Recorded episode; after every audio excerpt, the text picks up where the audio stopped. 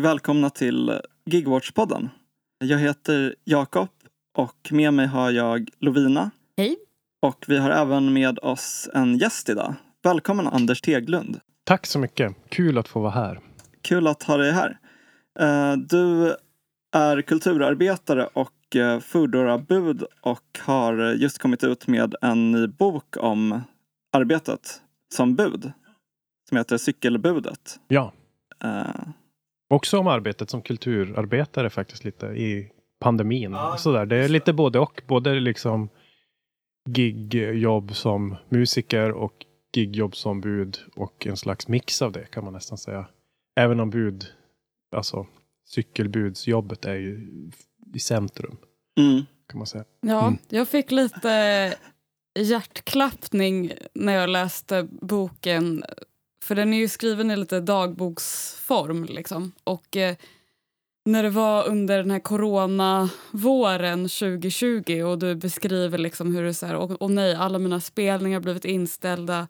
Ja, okej, okay, jag söker jobb på Foodora, eh, går med så här, okej, okay, nu ska jag ha någon konsert och eh, vi ska streama det och det är Swish-intäkter. Och ja, alltså det var som att det nästan så svartnade för ögonen. Typ, att det, var, det var så jobbigt för att jag, alltså för att jag själv liksom också blev, blev ju så av med typ alla jobb och man stod där med Swish och hela branschen, ingen fattade någonting och hela världen var i en pandemi så ingen annan fattade någonting heller. Och man, ingen hade pengar. Alltså.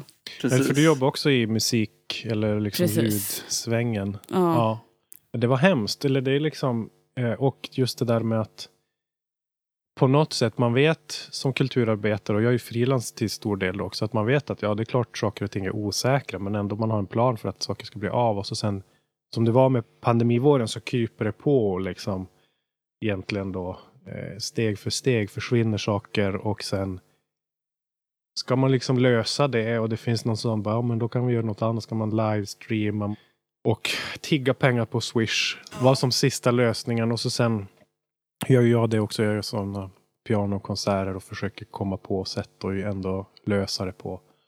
Eh, men verkligen så. Både typ en nyfikenhet av att så här, okej, okay, det kanske kan funka, men också bara panik. Liksom. Man måste få in donationer. Och hur kan man göra det så att de betalar? Eh, Nej, de gör ju inte det. Nej, men det är jättesvårt. Och det är ja. också någonting som är så här, man ska både vara tacksam och man ska både presentera något, vad ska man säga, innehåll som är intressant och eh, få folk att själva på något magiskt vis dra handen till swishen och betala. Eh, och jag försöker skriva hur den det arbetsvillkoret eh, kommer in i ens kropp och är, är hjärnan i, i min yrke. Liksom. Och det var väl egentligen det som ligger före hur jag sen kommer in till Fodora. För att då har jag tänkt så här, men jag måste göra någonting under den här pandemin. Jag kan inte bara liksom vänta. Och en idé jag fick då var att om jag jobbar som bud, vilket jag tänker att det är helt okej okay att cykla. Jag gillar att cykla. Så kan jag få lite pengar från det, men jag kanske också kan göra något kultur kring det. Typ mm. att jag tänkte tidigt att jag kanske kan skriva hur det är nu under, då var det så här, pandemivåren 2020. Man tänkte att det skulle vara bara under våren. Jag tänkte jag kan få ihop en text eller, mm. och så kan jag söka om det kommer kulturstöd som kanske kan säga så här, men jag håller på att överleva här och nu jobbar jag som bud och det, ja men du vet. Då, alltså man har liksom en sån programmering som är så här, vart finns det pengar? Mm. Och då tänkte jag så här, bud, där finns det lite pengar och bud, men också lite pengar om jag kan på något sätt skriva om det. Mm. Så att det var typ min sån överlevnads mekanism som bara slog i. Det kändes som att eh, liksom, eh, villkoren inom gigekonomin och framförallt inom budsektorn började uppmärksammas ganska mycket också under det året. Liksom. Det kom ju den här stora granskningen i Sydsvenskan till exempel av Foodora. Mm. Mm. Som du skriver också lite om att du Ja, den, förstör, den förstörde ju också för mig, inte bara för Foodoras kanske då ledning som fick svettas utan även jag. för som det hade varit, eller egentligen var det så här, jag, jag ville skriva en text och hade jobbat ganska länge då och skulle liksom försöka formulera mig hur det är och vilka villkor som finns och så här, berätta så här, ja men det är stressigt och det är dåligt betalt och allt sånt där. Eh, men det var ju långt ifrån färdigt och då tänkte jag att det skulle bli en en artikel typ. Mm. Eh, och så kommer Sydsvenskan så har de gjort eh, ganska likt vad jag då hade gjort fast mycket mer effektivt och mycket mer så, alltså de är ju proffs liksom också. Att man bara så här, typ när den där länken kom från en kompis att bara kolla här vad Sydsvenskan har gjort så såg jag liksom en kille på cykel och jättesnyggt gjort och jag bara shit, nej men nu, nu är det kört för mig och typ Mm. då jobbade jag som bud och tänkte så här, ja, men någonstans så ska jag berätta om det här. Okej, då försvann det. Eh, Men den var ju jättebra så att jag fattar ju direkt också att okej, men de gör ju det här jättebra. Mm. Eh, jag blev bara ställd liksom och kände ju liksom mig på något sätt som kulturarbetare lite eh, omsprungen. Mm. Men då fick jag tänka om efter ett tag och tänkte att jag kanske får fortsätta på Foodora istället och se så här, en sån här artikel, en sån här granskning kanske det kanske händer något med företaget nu. Mm. Eh, och det gjorde det ju. Det var ju som ändå en sån sak som påverkade den här eh, fackliga mobiliseringen i en riktning som, som jag sen hakade på. Skulle du säga att eh, du wallraffade? Jag vet, ja, både och tror jag. Jag tror att Mm. ibland så kan man säga det. Eh, Men jag, jag vet inte riktigt om det är så. Liksom. Jag jobbar ju också som giggare själv. Mm. Så att det är Mm. lite så här, jag vill skriva om hur, hur man är som giggare. Och på något sätt så är giggarbetet det är som en kupol och en kärna av det är budjobben här. Men, men jag är fortfarande det. Och eh, jag, jag behöver fortfarande liksom förhålla mig till allt som är det. Det försvann inte för att Mm. på något sätt jag gick in i budjobben. Men jag är ju wallraffande med att jag som också skriver om mitt jobb eller sådär. Men jag vet inte riktigt vart gränsen går där mellan, mellan det ena och det andra. Och jag jobbar ganska länge, ett och ett halvt år. Och eh, vill ju egentligen fortsätta men jag, jag får inte det tyvärr. Men någon slags så arbetsskildring är det ju, absolut Mm. Mm. arbetsskildring. Och jag, men jag har varit, jag vet inte om wallrafferiet är helt hemligt. Sådär. Jag tror att, jag berättade på min arbetsplats att jag gör det här. Okej. Ganska eller liksom, inte För tidigt. vilka och liksom hur var För min kapten och för Mm. area manager och sånt. Berättade det för, ja men kanske så december. Och där hade jag jobbat ett drygt halvår. Och ville också intervjua dem och säga så, Mm. ja men jag har samlat på olika delar av, av den här ja, arbetet. Och jag ser ju också att de har ju, alltså de sliter ju också. Och de har ju liksom också en ganska, alltså kaptenerna i hos den här arbetsgivaren är ju väldigt pressade, alltså vad de får hålla på med. Alltså de har ju på något sätt både arbetsledaransvar och ska hantera allt. Men jag ville liksom närma mig ledningen lite så här. Hur, hur funkar det för er att ha hundratals missnöjda arbetare som ringer och mässar på era privata telefoner. Alltså de har ju Mm. också en sån typ en, och de är ju absolut inte högt upp i någon slags eh, företagsstruktur så att de tjänar pengar om det går bra eller inte Mm. för Foodora. Så det var jag också lite nyfiken på. Så då frågade jag dem och jag fick ju intervjua kapten, min kapten och jag har också intervjuat många andra kaptener och lärde känna dem också så att det blev som mer som att man bara ja, var kollegor. Men area managern duckade mina intervjuer och så sen fattade jag att ja, han kanske inte är så intresserad. De som du intervjuade, vad var deras liksom, eh, ingång eller liksom inställning till att bli intervjuade? Liksom? Kändes det... De eh, som jag har träffat har varit väldigt mån om att få berätta. Alltså Mm. jag har ju liksom min ingång har ju varit att berätta, alltså du får berätta hur det är för dig. Och det finns ju lite olika sorters bud. Alltså det finns ju några som, ja, men som har det som extrajobb. Eh, typ unga svenska cykelkillar, 20-årsåldern, Mm. har en bra cykel, älskar cykling. Så finns det också, merparten är ju utländska eh, personer som är migranter eller som kanske kommer från Bangladesh, Indien, Pakistan och är utbytesstudenter eller går någon högkvalificerad utbildning. Och jag ville liksom få med allihop. Och, men det mitt intryck är ju som att alla som jag har träffat har, har ändå en känsla av att man inte blir sedd riktigt. Mm. Och eh, typ jag tycker ändå att de flesta har sagt att det är viktigt att du berättar. Ja, men vissa har ändå varit så här ganska öppna. Bara, bara, du måste berätta om det här för svenskarna. Mm. Typ Mm. så, alltså så pass eh, på något sätt transparent i det att ja, men de bara, du kan kanske be beskriva någonting där som ändå många upplevde inte kom fram. Sen har jag varit noga med att så förklara, typ, eh, jag har bytt namn på vissa och, Mm. och lite så här, det här, de har fått läsa innan och lite sådana där eh, etiska grejer. Så där. Men jag har fått verkligen som en positiv respons från de jag har träffat. Eh, Och jag är jätteglad för också de som har delat med sig av, av sitt liv och, och sådär. Och blev kompis med en också som Mm. jag kallar Mubarak i boken. Och han försökte som hjälpa på olika vis och en del av det var ju på något sätt också bara att finnas. Han hade jättemycket frågor om vad ska jag nu med det här? Och, nej men att han och jag blev mer och mer kompisar och jag fick vi chattade ganska mycket och träffades mer och mer och det handlade mer om, om det och hans process mot Migrationsverket och men också så, han behövde vinterkläder. Och, Mm. så att jag kom som mer och mer att bli någon slags aktivist i det här. Alltså mer, från början var jag ju mer som att, alltså alla från början var ju bara så här ut och hitta något att göra. Sen blev jag mer så här, okej men vad, behöv, vad är det här för jobb? Men sen mot vintern och så, då var jag ju mer fackligt engagerad och typ aktivist och försökte hjälpa dem jag kunde på något sätt.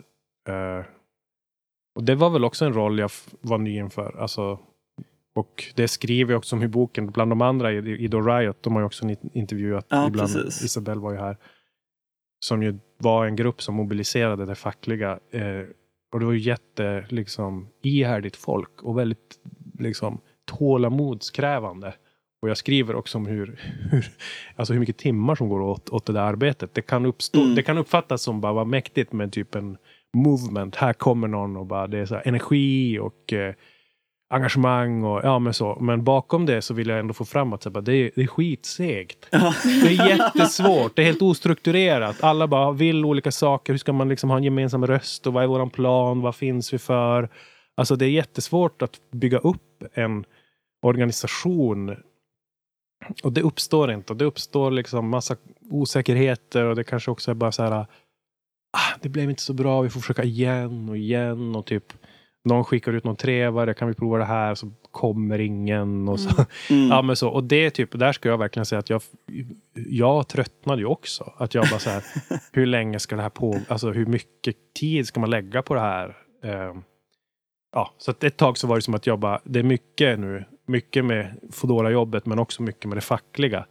Eh, och, och, det, och det tänker jag också så här, man ska vara ödmjuk inför de som gör det för att det är, det är väldigt liksom oavlönat arbete. Mm. Typ. Och ibland så kanske det då blir någon slags då facklig seger eller något som framsteg eller att man känner att vi gör något viktigt. så. Men, Det får mig att tänka på eh, två saker. mm, Nej, men dels apropå det här med vinter och eh, organisering eller aktivism ja. så hittade jag ett eh, citat på sida 104. Eh, jag, när du pratade, jag kommer inte ihåg vilken kollega det var du pratade med men som förklarade att så här, nej men det, är ni, det måste vara någon svensk som eh, organiserar. De svenskarna som jobbar här jobbar bara på sommaren och sen Mm. är det bara vi kvar, typ. Mm, Vi and, alltså, det kändes som att det fanns en underförstått så här, vi andra. Liksom. mm. Vi utlänningar Ja. liksom. Eh, Eller han sa något sånt. Ja. Mm. Eh, nej men jag, och jag tänkte bara liksom hur, för jag reagerade ganska ändå på det citatet liksom. Eh, har du några liksom tankar just om den där att det liksom, ni måste göra, alltså, Ja. Nej men det är ju en förfrågan eller vad ska man säga, en uppmaning kanske man ska säga till. Och jag kände väl också någon slags eh, lite så här förpliktigande. Så här, Okej men på ett sätt så är det ju lite, det är ju någonting eh, absolut sorgligt med att det, att det är uppdelat så. Att svenskar har större röst i samhället och inte lika utsatta på den här sektorn. Alltså det har han ju rätt i, var jag tvungen att acceptera Mm. för att liksom köpa den premissen. Och han, han sa att så är det bara.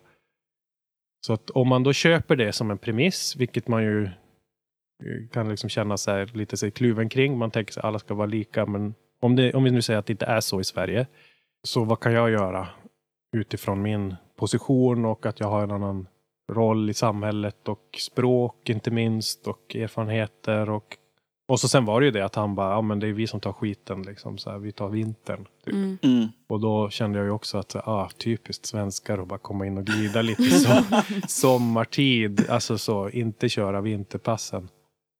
Men det här var ju då hans, det var ju början av pandemin, så att jag antar att under liksom, pandemin så har det nog varit så att många svenskar har fortsatt jobba, liksom, att det har varit lite annorlunda. Men, men det, är ju, det är ju knappt svenskar, alltså det är väldigt få svenskar i kollegiet. Så där. Mm. Ju. Och Men då kände jag så här, okej, jag kan göra någonting. Typ kände mig lite så, wow, okej, nu ska jag göra något. men vad ska jag göra? Så jag har ingen aning. Då mejlade jag bland annat er Mm. och tänkte så, ja men typ lite så, jag har sagt upp, jag har sagt att jag ska göra en grej nu. Kan ni hjälpa mig här? typ, ni verkar kunna detta. Alltså det är verkligen som att jag har försökt ta reda på vad kan man göra då från scratch. Mm. Eh, och försöker visa på att andra kan saker och gör saker och så. Men det är mycket den här... Jag ville väl liksom visa så här, de här på något sätt olika punkterna som, som finns i, i allt och små steg som görs och initiativ här och var. Och, ja, jag mejlade också facket tidigt och fick inte så mycket respons från början men sen tog Mm. det ett tag så fick jag mer och mer kontakt där. Mm. Men det handlar ju om någonting med det här svenska arbetslivet och migranter. Alltså Mm. det finns någonting där som i den här sektorn är jätterelevant och typ jättestor spricka i, i vårt liv i staden. Liksom. Ja. Verkligen. En sak jag tänker på, eh, som jag tänkte på när jag läste den här boken, är ju att eh, det liksom finns ett återkommande tema lite att eh, det här eh, företaget använder liksom okunskap som en slags eh, maktutövning. Liksom. Att Ja. man inte förstår hur till exempel de här algoritmerna som styr arbetet fungerar. Eh, och jag tänker att även liksom det här med liksom okunskapen om språket och hur eh, liksom samhället fungerar och så, att det också är någonting de har byggt in lite i sin affärsmodell. Ja men lite faktiskt. Eller liksom det är väldigt, nu kanske jag, jag skriver ju också som i dagboksform så att om man ska liksom vara ärlig så säga, om man börjar läsa boken då är det ju att jag försöker förstå saker. Så jag Mm. har ju kvar grejer där som jag sen visar, ja, men det här kanske inte riktigt stämmer. Typ jag kanske inte får kicken direkt. Men i början vet jag ju inte det. Mm. Liksom, att det så här, man vet inte riktigt hur det funkar och den osäkerheten absolut är ju en, eller mm, brist på information är ju någon form av maktmedel. Och många jobbar ju med att försöka räkna ut så här, hur funkar algoritmen? Alltså man försöker Mm. så här, läsa av för att man behöver någon form av, men jag vet inte, så känsla i ens yrke typ så här, för att så här, är det en bra dag eller inte en bra dag? Är det mycket beställningar idag eller inte? Alltså, förut så har jag jobbat i butik och på, jag har jobbat på restaurang och eh, så, så här, snabbmat och bensinmack. Då lär man sig en slags rytm. Att man bara, okej men nu är det rush, nu är det mycket. Och då kommer man in i det och så bara, nu ska jag trycka på här så blir det, tar man sig igenom det. Men i det här jobbet så är det väldigt svårt att veta så här. Vad är det för slags arbetsdag? Är det här en Mm. intensiv dag eller en slö dag? Typ? Mm. En anledning till att det spelar så stor roll är väl också för att det är en ganska stor del av lönen som är provisionsbaserad. Mm. Så då blir det ju väldigt eh, viktigt Mm. med... Ja, ungefär hälften är väl liksom, alltså i slutändan. Jag tjänar mellan ja, men 120 och 140 kronor. Och då är ju liksom hälften av det är ju provisionen. Liksom, i, om det är en normal dag. Absolut. Så att det är ju stor osäkerhet med det. Och nu har det varit pandemi under hela tiden när jag har jobbat. Typ, så, men förra sommaren var det väldigt lågt med behov. Och då var det verkligen så här att, och jag, jag fick ledigt länge. De bara, visst ta ledigt du. Och jag var ledig med mitt barn och sådär. Och så sen märkte jag att alla andra hade jättesvårt att få pass för att det var så lite beställningar.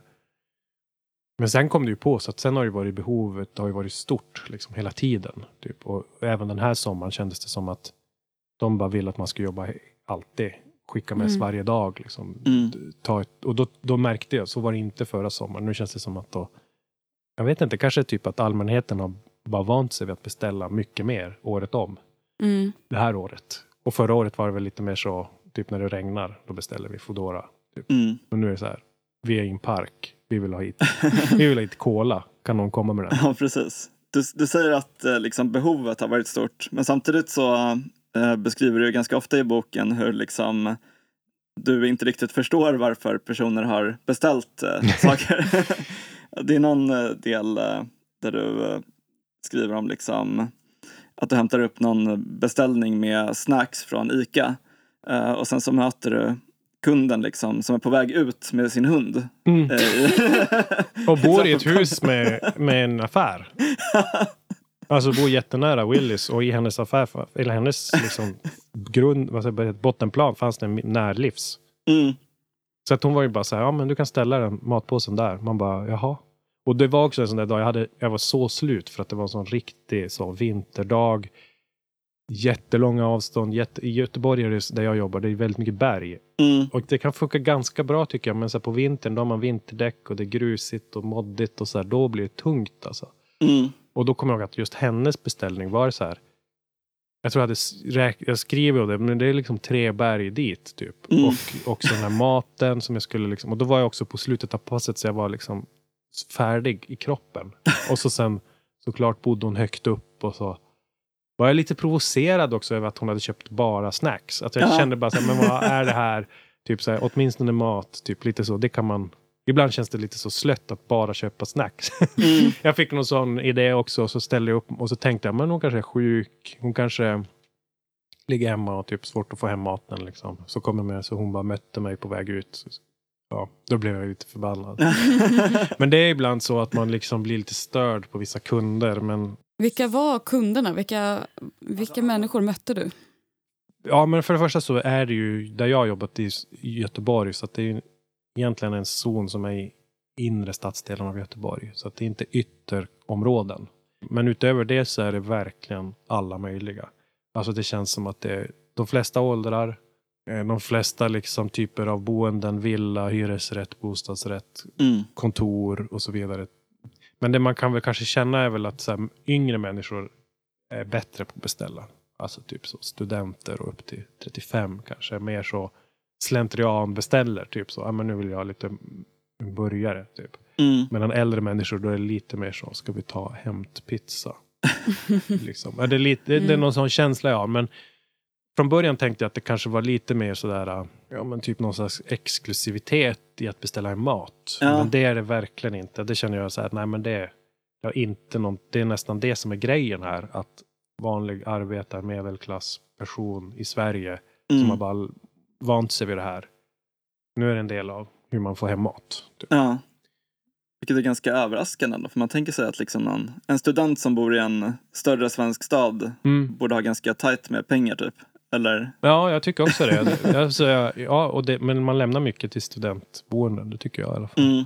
Det kanske är hela liksom eh, nedstängningar som en massa pengar som man skulle lagt på bärs annars. Ja, Som ja, precis. måste göra någonting med. Ja, ja, visst. Nej, men det kanske är så. Jag tänker också att det är en vanesak. Liksom. Mm. Ja, men det är ju väl också en stor förskjutning som har skett liksom, alltså, senaste decenniet. Liksom, med att, att eh, förr i tiden, eller liksom, för något decennium sen, så var det väl liksom att så här, ha typ städhjälp hemma var liksom så här, det kunde man inte ha. Eller så här, Nej, men så, ett- det är verkligen så. det är ganska Ja. pinsamt typ, Ja. så här, om man Mm. inte är så här, Djursholm över eliten. Mm. Och nu har det väl liksom blivit som att helt plötsligt så vill alla ha någon slags semi-butler och det är Mm. bara helt självklart Mm. typ.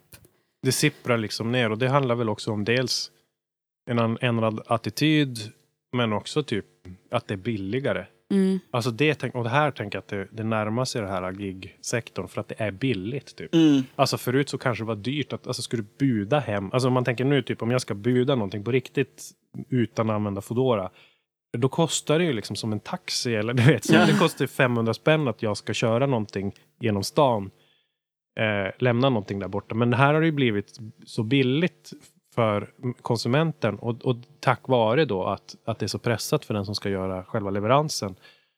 Och det kopplas då, tycker jag, ihop med att vi har en, en, en grupp människor som gör de här jobben som inte får några andra jobb. Och de är oftast inte svenskar. Mm. Mm. Så att det finns en sån så svensk, icke-svensk dimension i detta. Sen är det inte så att alla som beställer mat är svenskar och alla som kör ut mat är icke-svenskar. Men det finns en sånt typ, de flesta buden är inte svenskar i alla fall. Mm. Mm. Jag reagerade på att du skrev att du mötte en eh, kille som, eh, i, som bara öppnade dörren och stod där i kalsonger. Liksom. Det, Det väl väldigt många killar som du Ja, beskriver. kalsongmännen. Jo, nej, men det var väldigt tidigt sådär när jag började. För att då var man ju så, okej, hur är det här nu då? ja. Och så lämnar jag mat så öppnar någon i kalsonger. Alltså typ om nu vi skulle mötas så här, vi har ju bestämt träff. Och så öpp- om ni skulle öppna kalsonger, då skulle jag bara, vad fan är det här? Alltså så gör man ju som inte. Nej. Men det var ju som att jag hade med det liksom, bara, vad, du visste ju att jag skulle komma. Eh, Mm. vi, jag vet ju att du har beställt mat, du har sett i din app, det plingar till. Så snart är det dags att duka. Eh, du kanske till, jag vet inte om det var exakt så då, men alltså det är väldigt uppenbart att snart kommer en någon och lämnar Mm. maten. Men eh, okej, du hade kalsonger på dig. Ja. Så ser jag det igen och så igen och så bara, nej men det här är ju någonting. Och då börjar jag så här fundera lite på vad, vad betyder det egentligen så? Eh, och jag tänker att det är bara ett väldigt så eh, omedvetet sätt att råka så här, man har glömt bort att det var en människa som skulle komma. Mm. Mm. Man, man tänker inte riktigt på det. Man har bara köpt en pizza och så sen så nu kommer pizzan står det ju. Liksom. Och så har man också på något sätt, jag tycker att det är ett sätt att förstå också så här, hur den här äh, budet är osynliggjort som människa i, i vårt då, arbetsliv och system och så här. Att de gör jättemycket grejer och syns överallt men ändå inte så som människor. Mm. Nej, det blir väldigt anonymt, tänker jag. Liksom, för att det är en sån där tydlig, liksom, eh, om man tänker då Foodora-kläderna så är det en så tydlig liksom, uniform. Men Ja. som bara blir den liksom, Det är det enda du är. uniformen. Alltså det Mm. tänkte jag också på när jag började jobba. Så märkte jag ju att man är lite både anonym men också nästan osynlig. Att jag bara Mm. så här, nu möter ingen min blick på samma sätt Ja. när jag Mm. kommer in i restaurang. Utan det är liksom, man rör sig på stan utan de här kläderna så är det lite annorlunda. Så har man de där kläderna så blir man liksom mer bara osynlig typ. Och eh, också lite o, men, alltså det här mänskliga försvann. Man är bara en funktion sådär. Eh, Och på sätt och vis, alltså nu låter ju det liksom, det är ju jättehemskt, men jag tyckte också att det var lite skönt plötsligt. Att jag var så här, okej, men då är jag osynlig. Det är väl lite så Mm. superhjältegrej att kunna vara osynlig på stan.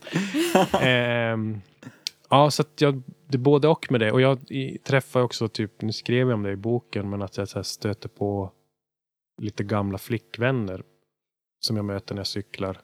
Och då är jag ju jätteglad för att den här dräkten är osynlig. Mm. Att jag, att jag tänk, att jag tänk, nu kanske de såg mig, det vet jag inte. Den är inte helt osynlig. Det är inte liksom invisible man. Men det är ändå så här någonting som man känner att så här, de registrerar inte vem det här är. Mm. Så att jag vet inte, jag tyckte liksom att det var så här, ja men skönt. För att jag kände väl också att det fanns någon sån aspekt av skam kring att åka runt i de här kläderna. Skäms lite för att göra det här, men det är skönt om jag inte syns. Mm. Mm. Nu skrev jag en bok om det, så att nu vart det ju liksom ändå exponerat på ett annat sätt. Men, men det är ju något annat. Liksom. Mm. Jag får ju liksom eh, uppskattning nu och jag får ju liksom prata om saker. Och det, det har jag ju kanske också haft med mig, att jag inte är där på samma premisser och villkor som andra bud. Och känt liksom när jag pratar med vänner och så, kultursektorn, att de ja, men du gör något viktigt, du gör något bra. Så jag har ju ändå känt så att det här, ja men typ så, jag är inte helt på samma nivå som någon som bara jobbar med detta. Mm. Boken, I boken beskriver du hur du cyklar omkring stan eh, och eh, bland annat då ser affischer för dina egna spelningar. Eh, Det är lite så här som att du har gått från en typ av gig-ekonomi, Mm. liksom original gig-ekonomin i musiken, Ja. till en annan. Ja. Ehm, fanns det liksom någonting som du kände igen i det här arbetet som bud från arbetet i musikbranschen och kultursektorn? Mm. Och liksom, fanns det några så stora skillnader som du såg? Ja, men alltså likheten är väl den här kortsiktigheten och att man är så beroende av snabba pengar. Typ. Mm. Det är en likhet eh, som musiker också, att man där, där och då också bara swish-lösningen, liksom, hur ska det här gå ihop? En annan sak som jag liksom tänkte på när jag började med budjobbet var ju att man var tvungen att ha sin egen utrustning. Alltså jag måste fixa i ordning min cykel och jag hade redan en telefon men det utgick ju från att den, det är den jag ska använda. Och Mm. Även lite så regnkläder och sånt där som... Eh, och så är det ju inte på vanliga jobb. Men så är det ju som kulturarbetare och musiker också. Att du vet så här, om du ska sp- spela så får du lösa allt. Och typ förmodligen lägga ut massa pengar. Köpa en dator. Typ. Det var också någonting som jag var tvungen att göra för ett år sedan. För att jag, jag kunde liksom, jag tänkte att jag skulle skriva om det här men min dator funkar inte. Typ. Den var Mm. för seg. Så då måste jag köpa en dator på avbetalning. Och så, så är det ju hela tiden också som kulturarbetare eller frilansare eller sådär. Att man, man måste betala mycket för att få sen börja jobba. Mm. Så det kände jag, var, mm, kände jag igen mig i. Någon slags så grundläggande. Men sen så är det ju skillnad i, i röst och typ att någon lyssnar. Och, och hela den, där är ju liksom det motsatta. Det är ju verkligen så. Alltså som musik och kulturyrkeslivet, där kan det nästan vara schizofrent att man både är så pass exponerad fast ändå inte får någon betalning. Och att det är Mm. nästan det man får hantera, att man bara alla säger så här bara wow, jag såg, det gick så bra för dig, för vi såg dig. Man bara, det gick skitdåligt för vi gick back. och det är en väldigt vanlig känsla som kulturarbetare, att man bara är så liksom frustrerad kring om något har gått bra så kan det också ha gått jättedådigt. Åh gud, det är så mycket igenkänning. Jag bara mår lite dåligt. Ja, och det ska man liksom bara bära. Man kan Ja. inte säga så. Vet du vad? Jag är jättebesviken för att man ska Mm. ändå vara glad att man får hålla på. Men den hos bud är ju inte det liksom så att, att, att folk säger så här. Det går så bra för er. Jag ser er på stan hela tiden. Där är liksom den här exponeringen laddat med något annat. Samtidigt som uh, Foodora kallade er för eh, heroes. Ja, precis. Det är heroes. Ja. de försökte ersätta det lite på det sättet. Ja, det är ju en väldigt rolig, nästan ironisk tilltal. De skriver heroes i Mm. nyhetsbrev och lite så här kallar... Ja men det tycker jag också. Det, det är något ironiskt över det. För att det är som också så här bara, vadå heroes? För att vi typ eh, går med på det här så blir det någonting skevt när de ka- kallar en heroes. Mm. Men det är en lite så, ja men det är någon sån jargong och så heter ju företaget som äger Foodora, de heter ju också Delivery Hero. Ja. Så att det är lite så, ja men jag tror det ska vara lite kaxigt och snabbt och sådär. Jag fattar att de gör det, men det blir ju ibland lite så. Vi är heroes, men det är ju för att ni utnyttjar oss. Typ lite så. För att ni gör motstånd mot. Ja, ja precis. Vad är en hjälte egentligen? Eh, du känner igen dig Lovina eller? Du har ju också jobbat som bud Ja, i somras va? Eh, ja, Kanske. men under väldigt eh, andra villkor. Eller jag, eftersom jag också blev av med jobb och allt och ja, hade en otroligt jobbig arbetslöshetsperiod förra året. Men den här sommaren så jobbade jag som bilbud då. Mm. Men eh, för liksom en, eh, en affär med liksom kollektivavtal. Mm. fast lön då på Ja, timme liksom. Det var inte exakt. provision. Nej. Eh, och vilket eh, för mig, jag har aldrig, jag har aldrig haft det. Så, så det var Mm. Men hur gammal är du om man får fråga? 24. 24? Ja, Ja. men jag tror att det är, det är något nytt också med att det är så många som i, i yngre åldrar aldrig haft det, ett riktigt jobb med fast lön typ Mm. per timme. Alltså det, det är väl det ni håller på med antar jag med Gigwatch här. Att det, Ja, att det följer precis. med åldrarna. Alltså typ om man tänker att man kan vara 13 och dela ut post eller reklam så bara följer det med åldrarna uppåt. Typ. Ja, men Mm. gud, alltså jag har verkligen kompisar som är typ eh, 30 som typ haft ett fast jobb en gång. Liksom. Det är alltid Ja. att man har så här, typ flera extrajobb och, Mm. och sånt. Men eh, det var ju en liksom, otrolig skillnad för mig typ, för att jag liksom körde ju då liksom med eh, delar från affären till liksom andra affärer, då, eller liksom verkstäder var det. Mm. Så då var man ju liksom inte den här osynliga utan då var det ju verkligen så här de killarna i bilverkstäderna de säger hej och man Ja, ja. snackar lite. Liksom. Tack för att Alltså, du kommer, de behöver dig. liksom Ja, precis. Eh, Du kände dig mer som en hero. ja, men lite. Alltså, man kommer ju, alltså, det, är, det är väl en hel del surgubbar också. Så här. Men eh, alltså, jag var absolut inte osynlig. Men det kanske följer med. Det är någonting med det där som många har diskuterat och fått frågor om kring just det här fackliga och typ någon slags allmän status typ så här, och att det följer med någonting att man är synlig också om Mm. man blir om man får okej villkor. Att det är så sammanlänkat. Det skulle ju kunna vara inte sammanlänkat. Att bara villkoren är en sak och hur du betraktas är ju något annat. Mm. Men på något sätt så hänger det ändå ihop att har du bra villkor då är det för att du förtjänar det. Då betraktas Mm. du som duktig i, ja ni vet så här, duktiga är fel ord, men ni fattar att det liksom Mm. ändå så får någon sån statushöjning. Ja men jobbar man på flygplats med att leverera saker där så har du ett kollektivavtal. Mm. Och du har lite respekt i den yrkesklädseln som du har där.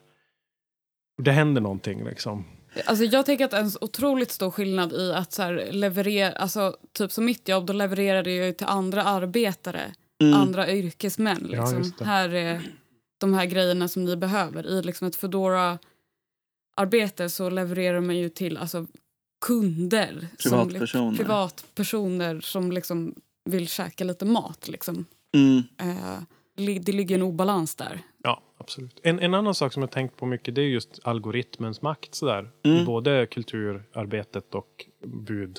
Att man är ändå på något sätt beroende och eh, styrd av tekniska hjälpmedel och redskap, alltså appar och, och även som musiker mer och mer beroende av att algoritmen ska hitta en.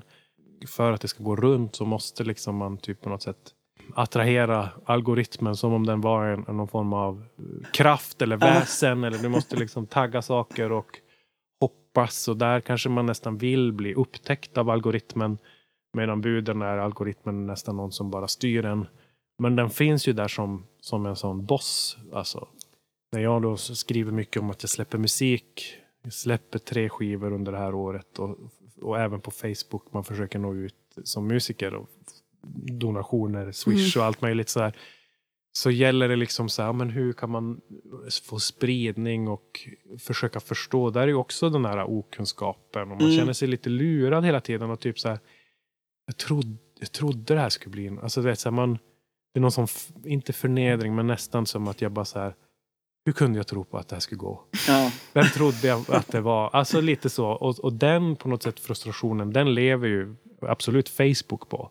Mm. Att man som ändå betalar och fixar innehåll till dem. Och Spotify gör ju också det. Många musiker som betalar för sina produktioner själva och lägger upp och så sen så är Spotify liksom en tjänst ändå som drar in jättemycket pengar. Men det är ju också väldigt många musiker som arbetar med och betalar för att det ska finnas där. Mm. Alltså tänk ja. själv vad mycket som folk betalar för att en skiva ska bli gjord.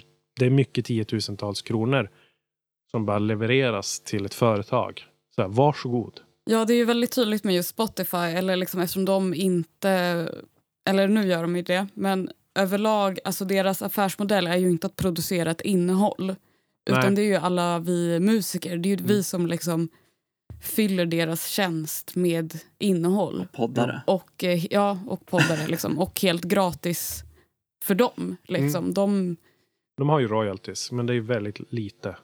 Ja, alltså, men det kanske inte är för poddar. Jag vet inte hur det är med poddar. Nej, men... där är det helt pro bono. ja, och det är därför de gärna, tänker jag också, vill få fler poddar dit. För det tränger ju som undan. Det är ännu billigare för dem med poddar. Mm. Mm. Alltså, ja, musiker köpt... ska ju ändå ha fyra öre per lyssning. Det är skillnad. Nej, men jag vet inte. Det är någonting med det där som, som också jag vill bara påpeka med boken. Att så här, mus musik, typ. Jag vet inte om, nu har vi, man pratar väldigt, väldigt mycket om kanske buden eftersom det är det är bokens kärna. Så. Men jag tänker också med musik så här. Och under pandemin så här. Ska musik bara finnas? Ska det bara uppstå? På vilket sätt? Liksom? Mm. Är det mm. tänkt? Om man är musiker så. Om man börjar fundera på det så ser man ju så här. Okej, okay, men det används musik hela tiden. Det verkar vara viktigt för människor. I mm. alla delar av livet. Men hur kan det komma sig att ingen, ja, alltså att musiker har så svårt att på något sätt hittar något sätt att gå, det ska gå ihop på. Och det blev ju tydligt under pandemin att, att okej, okay, det laggar lite här mellan systemen. och många musiker har haft det kämpigt för att live försvann och sådär. Men det finns ju, eller som du var inne på liksom med algoritmer och så, så är det ju det finns ju någonting där med liksom att det är techplattformar som sitter på alla spelkort. Alltså mm. både liksom i gigföretag och Spotify och alla, alla techföretag konstant liksom osynliggör allt det mänskliga arbetet. Som mm. typ att Uber är så här, men vi är ett techföretag. Mm. Fast så här, egentligen så är ju verksamheten är ju att Väldigt fysiskt. människor kör, mm. kör bilar. Liksom. Ja. Men det som de bygger, sitter ju bara och programmerar sin algoritm. Liksom. Mm. Och även liksom, alltså en grej som jag tänkte mycket på kring det här med Spotify liksom är eh, företag som Amazon Mechanical Turk som vi har pratat om tidigare i podden eh, som liksom också bygger på att folk gör en produkt liksom men att man på något sätt osynliggörs lite som individuell arbetare. Mm. Eh, du, du, skriver i boken eh, om eh, två fenomen som kanske kan ses som ganska liksom eh, moderna. Eh, dels eh, en grej som heter Dark Kitchens. vilket vi har varit inne på tidigare i podden också men det är väl i korthet liksom restauranger utan servering. Alltså restauranger mm. enbart byggda för leverans med till exempel Foodora. Ja, men som liksom ta bort hela serveringsdelen för att få mindre hyra och så. Eh, kanske ligger ofta lite utanför stan, jag vet inte riktigt. Ja, men de ligger på, liksom in, gärna inne centralt ofta, men på dåliga adresser. Ja. Alltså inne i Finns det fastigheter. dark kitchens i Sverige? Ja, i Stockholm finns det Ja. några stycken. Absolut. Mm. Och det kommer nog till Göteborg snart. Uh, nej, men det är liksom centralt fast oattraktivt om man säger. Alltså, de behöver inte ha alltså, fronta mot en, en gata med människor som rör sig. Mm. Stråk, så men ändå centralt rent logistiskt så är det smart. Just det. Och de kan också bunta ihop liksom en stor lokal med typ så tio kök på rad Mm. som de erbjuder så får köksägarna entreprenörerna hyra liksom sitt kök, få vara där vissa Ah, timmar. okej. Det är liksom mer så också. Att du bara, ja, exakt. exakt. Du får boka upp din liksom chip, ja men så hamburgerhak. Så det är också lite så. Mm. Och då kan de liksom, de som hyr ut Dark Kitchens kan hyra ut ett gäng Dark Kitchens bredvid varann och så. Lite stor drift över det.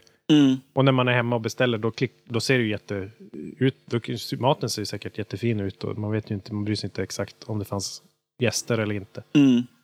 Ja, Men det är verkligen typ en så här middagsfabrik. Ja, eh, ja, ja. Mm. Mm.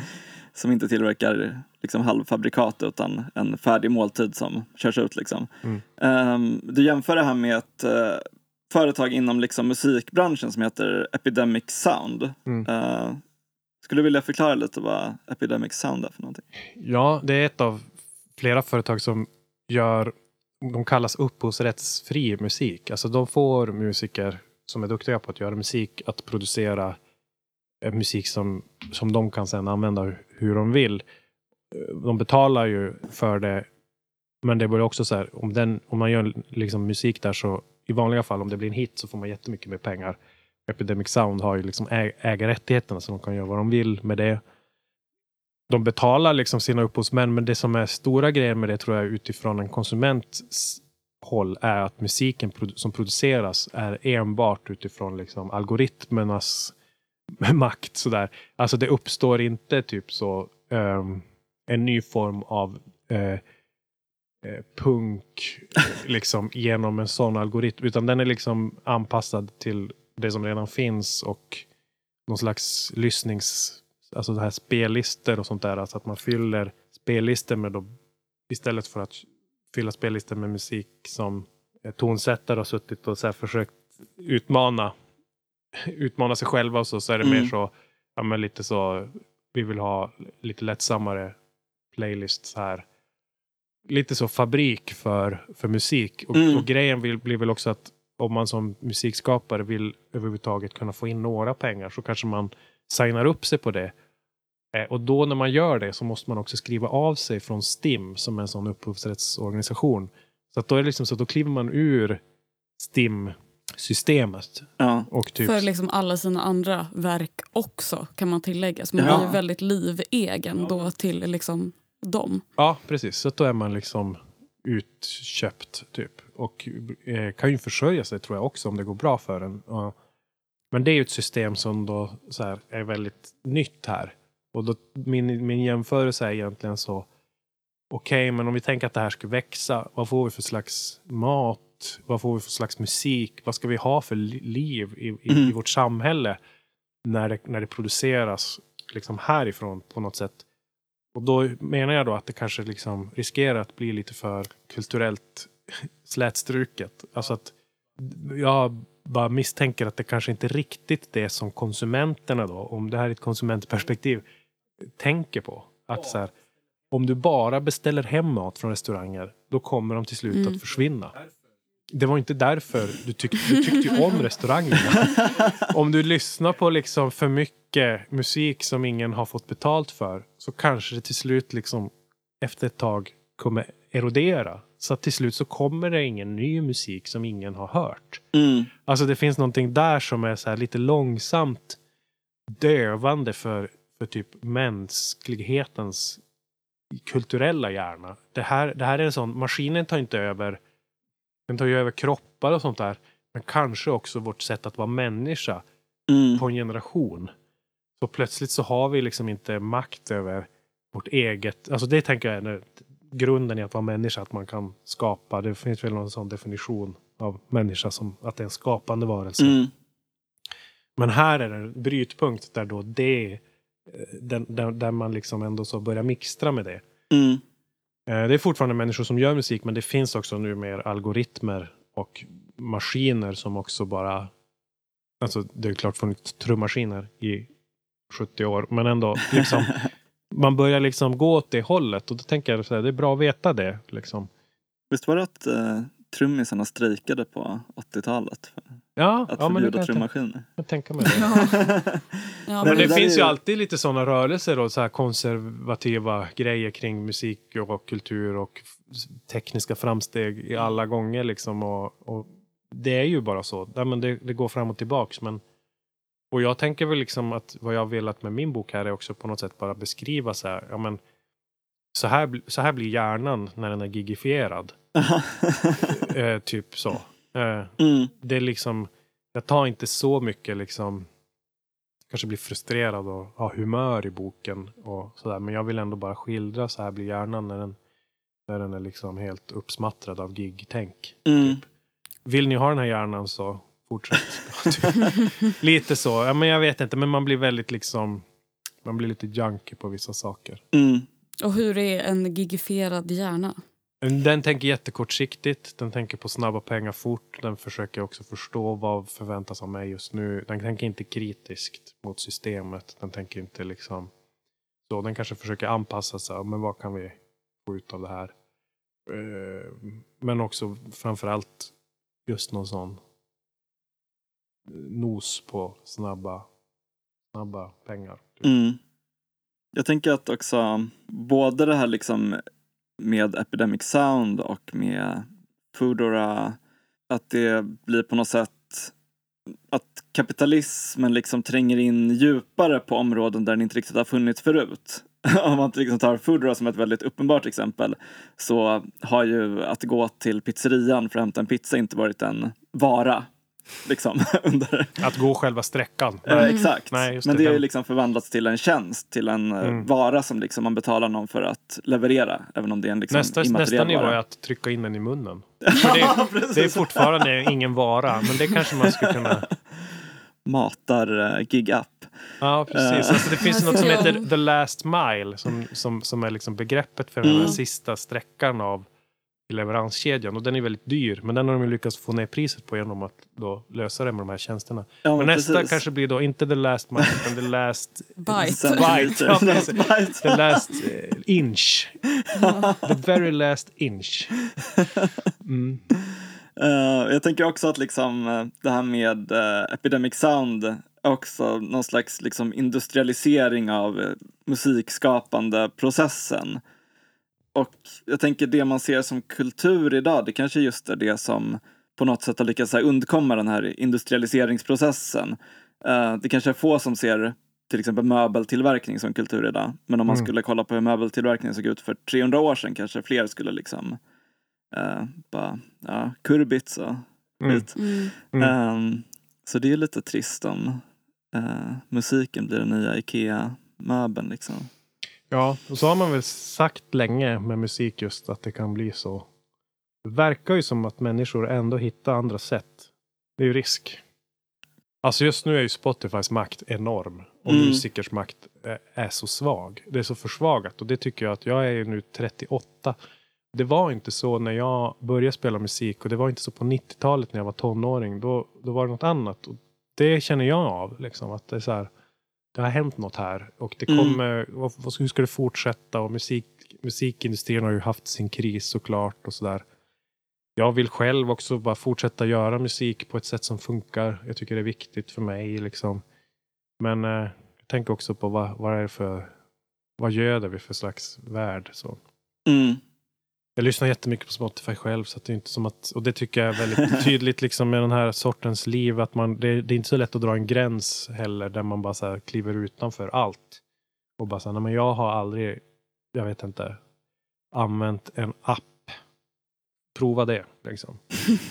Eller så, en techtjänst, en tech, alltså man Mm. använder Swish och Klarna och alla möjliga liksom, tjänster och de, är, de, de för- förenklar ju ens, ens liv. Eh, och då känner jag att så här, det, här, det här liksom, gränsen vart, vart, det, vart man ska vara själv. Den är, den är väldigt svår. Den kan man liksom inte få fatt i. Men det är bra att på något sätt synliggöra att det finns, det finns liksom människor här emellan. Liksom. Och det gör ju ni. Alltså det, är, det är verkligen en sån grej. Eh, jag ville prata lite, eller gå tillbaks lite till organisering för jag kände Mm. att jag inte riktigt var klar där. Du sa ju nu så här, ja men det är så otroligt liksom slitigt och liksom bakom kulisserna så går det liksom, det går långsamt och det är trögt och Med att organisera. Ja, exakt. ja, mm. Ehm, och eh, så liksom drog du lite så historiska paralleller för du pratade med din liksom, pappa och fick höra om Mm. liksom, din släkts historia och så. Hur du blev så imponerad av eh, liksom, arbetarrörelsen så här, första Mm. trevande Tänk att, steg, tänk, tänk att liksom. organisera det och så fanns det inte fackförbund. Mm. Nej, och liksom Alltså att, du liksom, det är något, man tycker att det är svårt nu, men hur var det inte när det inte ens fanns? Ja, och att det liksom var för så himla små vinster Mm. och så himla mycket Mm. motstånd. Mm. Och ta så lång tid. Alltså Ja. egentligen. Man måste tänka på det hur små steg. Det kan vara jättemycket kraft för att få till en liten sån förändring och så dör man. Typ. Får nästa generation ta Ja. vid liksom. Och så, ja. Och så är det väldigt lätt att rasera sen, har vi ju Mm. sett. ja, det är Mm. det som är en chock nu tror jag för många och Mm. typ även i arbetarrörelsen. Att man bara, okej men typ lite så här, vi vet inte själva hur man organiserar från scratch. Mm. Alltså det Mm. fick ju Transport nu göra. Bara. Vi har, de har ju inte skrivit ett kollektivavtal från scratch på 50 år. Mm. Så att de fick ju också bara så här gå tillbaks till, okej men hur gör man? För att Mm. de som jobbar med det har ju inte gjort prick det förut. Ska, organisationen har funnits länge men man måste verkligen så reinventa det typ och bara okej men vänta nu hur, vad är, vad, varför finns vi? Typ sådana Mm. frågor. Eh, och det är ju det är ju jättenyttigt säkert men också säkert också lite tror jag läskigt för en del. Verkligen. Men vad tror du man liksom hittar den här kraften till att, liksom, eller varför? Varför fortsätta? Ja, ja men lite. Ja, men jag, jag undrar också det. Jag blev Mm. också imponerad av de som har den kraften. Mitt bästa svar, och det här är jag inte säker på om jag har, men jag känner väl själv att jag...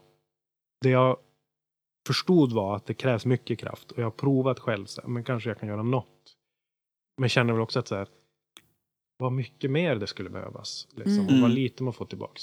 Men det jag kan jämföra med det är att typ när jag gör i mitt kulturarbete och bland musiker. Där kan jag ändå se samma så. Man bara gör om och gör om och misslyckas och gör om och man bara struntar i om det på något sätt räntar sig eller kommer någon vart. Någon slags lite blind, irrationell tro på att det här ska framåt. Jag bara fortsätter. Och det tyckte jag mig se hos de andra i Riot också. Att Mm. Typ sen när kollektivavtalet var på plats och jag bara så här, vad kul, nu är vi mål, typ. Skålar vi nu eller vad händer? Typ. Och de bara, nej men, ja bra, men vi fortsätter fort. Alltså det är bara nästa liksom led. Och, och det tror jag är något sånt driv som, som då vissa har och på olika sätt liksom manifesterar i, i engagemang. Typ. Min, min bok är väl också ett sätt att så här, visa sig, men det här stegen gjordes av människor som på något sätt sen har blivit eh, fått avsluta sina kontrakt eller så har gått vidare. Mm. Men, men det, det uppstod inte bara vinterdäck. Fodora, Mm. Det var inte Fodoras idé att ha vinterdäck, men nu säger de ju då nu kan ni hämta era vinterdäck. Mm. De säger ju inte så. Det var Santiago och de andra buden här i Stockholm och Uppsala som kämpar för det. Och vi var emot det från början. Men det är det jag vill liksom ändå bara visa Mm. med några sådana tecken. Det är en fin likelse. Jag känner igen det här eh, hur mycket man lägger ner på att bara göra musik och bara fortsätta och världen är emot en. Ja, liksom- men det är också någonting så att det finns en, jag börjar tänka det att skapa musik är mer och mer av en motståndshandling också. ja. Alltså så här att jag brukar skriva det nu till någon sån kompis som de släpper musik, att jag bara så här, vad mäktigt att du gör det. Typ. Alltså Mm. att ni typ drar er till replokalen, Mm. repar. Jag vet hur det är. Det är hemskt. Och det är också kul. Men att det, så här, det finns någonting i, i det som är viktigt. Mm. Och typ att spela in, öva, hålla igång och så sen blir det en låt som då släpps. Och då är man van vid att säga, jaha nu släpper de en låt. Så här. Men bara så här, shit alltså, det kanske är typ, det är kanske tack vare att folk fortfarande ens spelar trummor som vi kommer kunna ha trummor om 15 år. Mm. Eh, och jag har väl egentligen så under pandemin blivit lite mer så varse om så här vilka, vad vi kan förlora och inte så. För det har ju handlat väldigt mycket om förlora saker och vara tacksam för vad vi har och sånt. Vi har hälsan eller Mm. vi har familj eller tak över huvudet och sånt. Och en sån sak som jag tycker har varit lite så på darrande, så, det är just musik och musiker. Typ. Om ingen spelar musik då kommer det försvinna på fem år. Mm. Alltså typ musicerande är ju liksom en färskvara. Det är som Mm. att virka, typ. Så att det är på något sätt, där går de ihop, de här aktivismen och så musik, alltså för mig. Och, Mm. Mm. eh, och det är kanske en sån fin sida av, av någon slags gighjärna då, att man liksom på något sätt bara matar på. Eh, Men, men med, ambitionen med boken är att liksom bara ta en lite närmare så bakom kulisserna.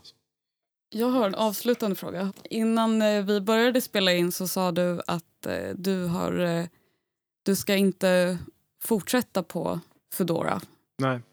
Hur kommer det sig? Nej, men jag fick inte förlängt kontrakt. Jag blev ju typ så. Jag fick kicken, heter det ju. Men det var för en dryg vecka sedan Mm. som eh, jag fick meddelande om att jag inte får fortsätta. Eh, anledningen är att jag har bytt bort för mycket pass.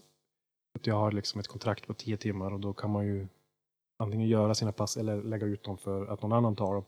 Då har jag bytt bort mycket pass och det gjorde jag under våren och då fick jag liksom ett mejl om det att du får liksom göra det här.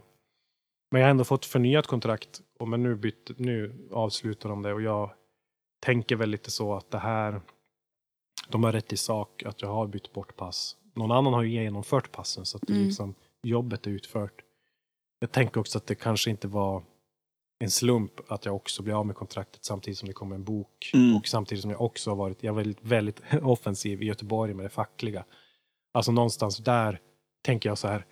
Hade de varit mån om att behålla de fackliga och typ hade de tyckt det var helt lugnt att jag typ berättade om hur jobbet var, då hade de kanske inte kickat mig.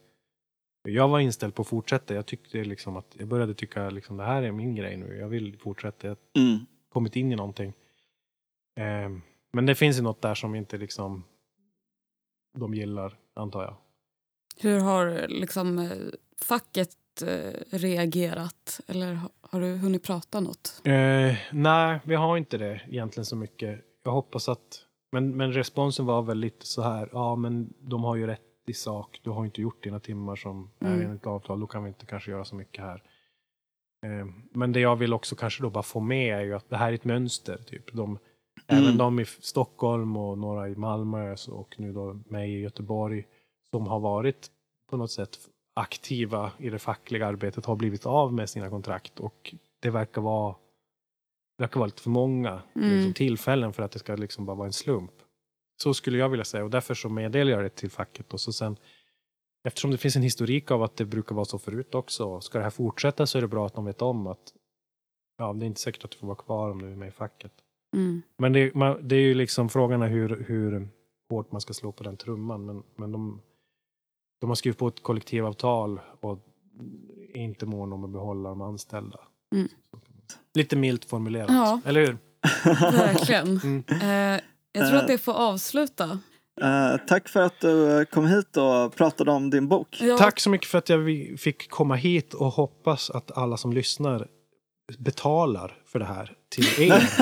för att det här är inte gratis, det ni lägger ner. Det är er arbetstid och ert liv. Så att snart kommer ni säkert få lyssna på någon slags Patreon-information. Och, det betyder- och det betyder att ni ska göra det.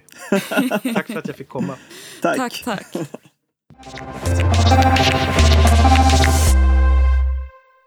Eh, tack för att du har lyssnat på det senaste avsnittet av Gigwatch-podden där vi intervjuade Anders Teglund som just kommit ut med boken Cykelbudet.